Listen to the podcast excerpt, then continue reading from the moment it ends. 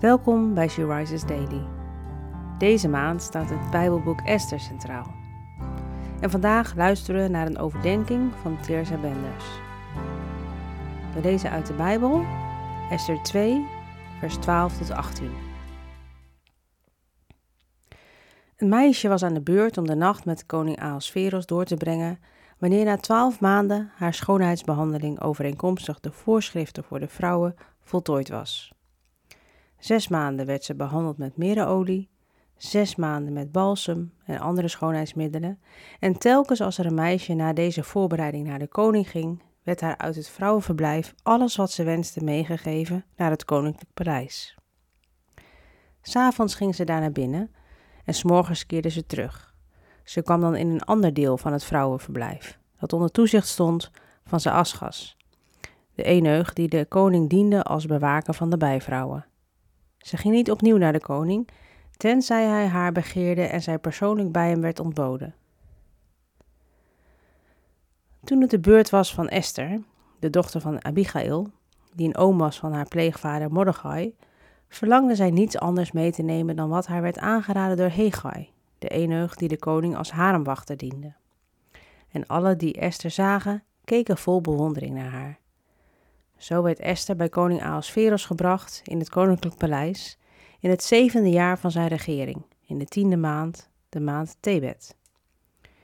En de koning voelde voor Esther meer liefde dan voor alle andere vrouwen. Meer dan alle andere meisjes verwierf zij zijn bewondering en genegenheid.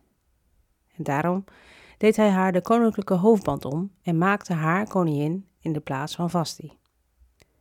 De koning richtte een groot feestmaal aan voor al zijn rijksgenoten en hoge functionarissen, het feestmaal van Esther. En ook kondigde hij voor alle provincies een rustdag af. En met een vrijgevigheid die men van een koning mag verwachten, deelde hij geschenken uit. Het klinkt bijna als een sprookje. Een mooi Joods meisje in een vreemd land, verkozen boven alle andere maagden, weet het hart van koning Ahasveros te winnen en wordt koningin. Misschien lijkt het wel een droom die uitkomt maar toen ik me probeerde te verplaatsen in Esther's gevoelens, werd het een stuk minder rooskleurig. Ze was een jonge vrouw in een lange rij van vrouwen die de revue passeerden.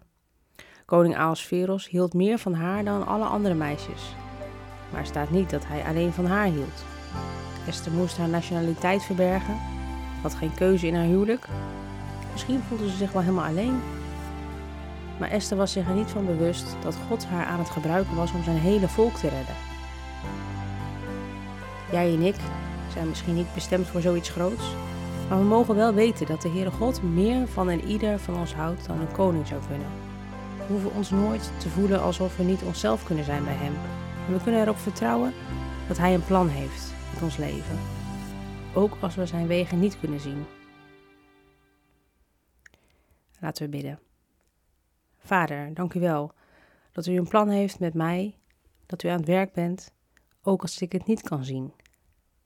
Help me om op u te vertrouwen als mijn leven stuurloos lijkt. Dank u wel dat ik mezelf kan zijn bij u. Dat u mij heeft gekozen als uw dochter, zonder dat u mij vergelijkt met anderen.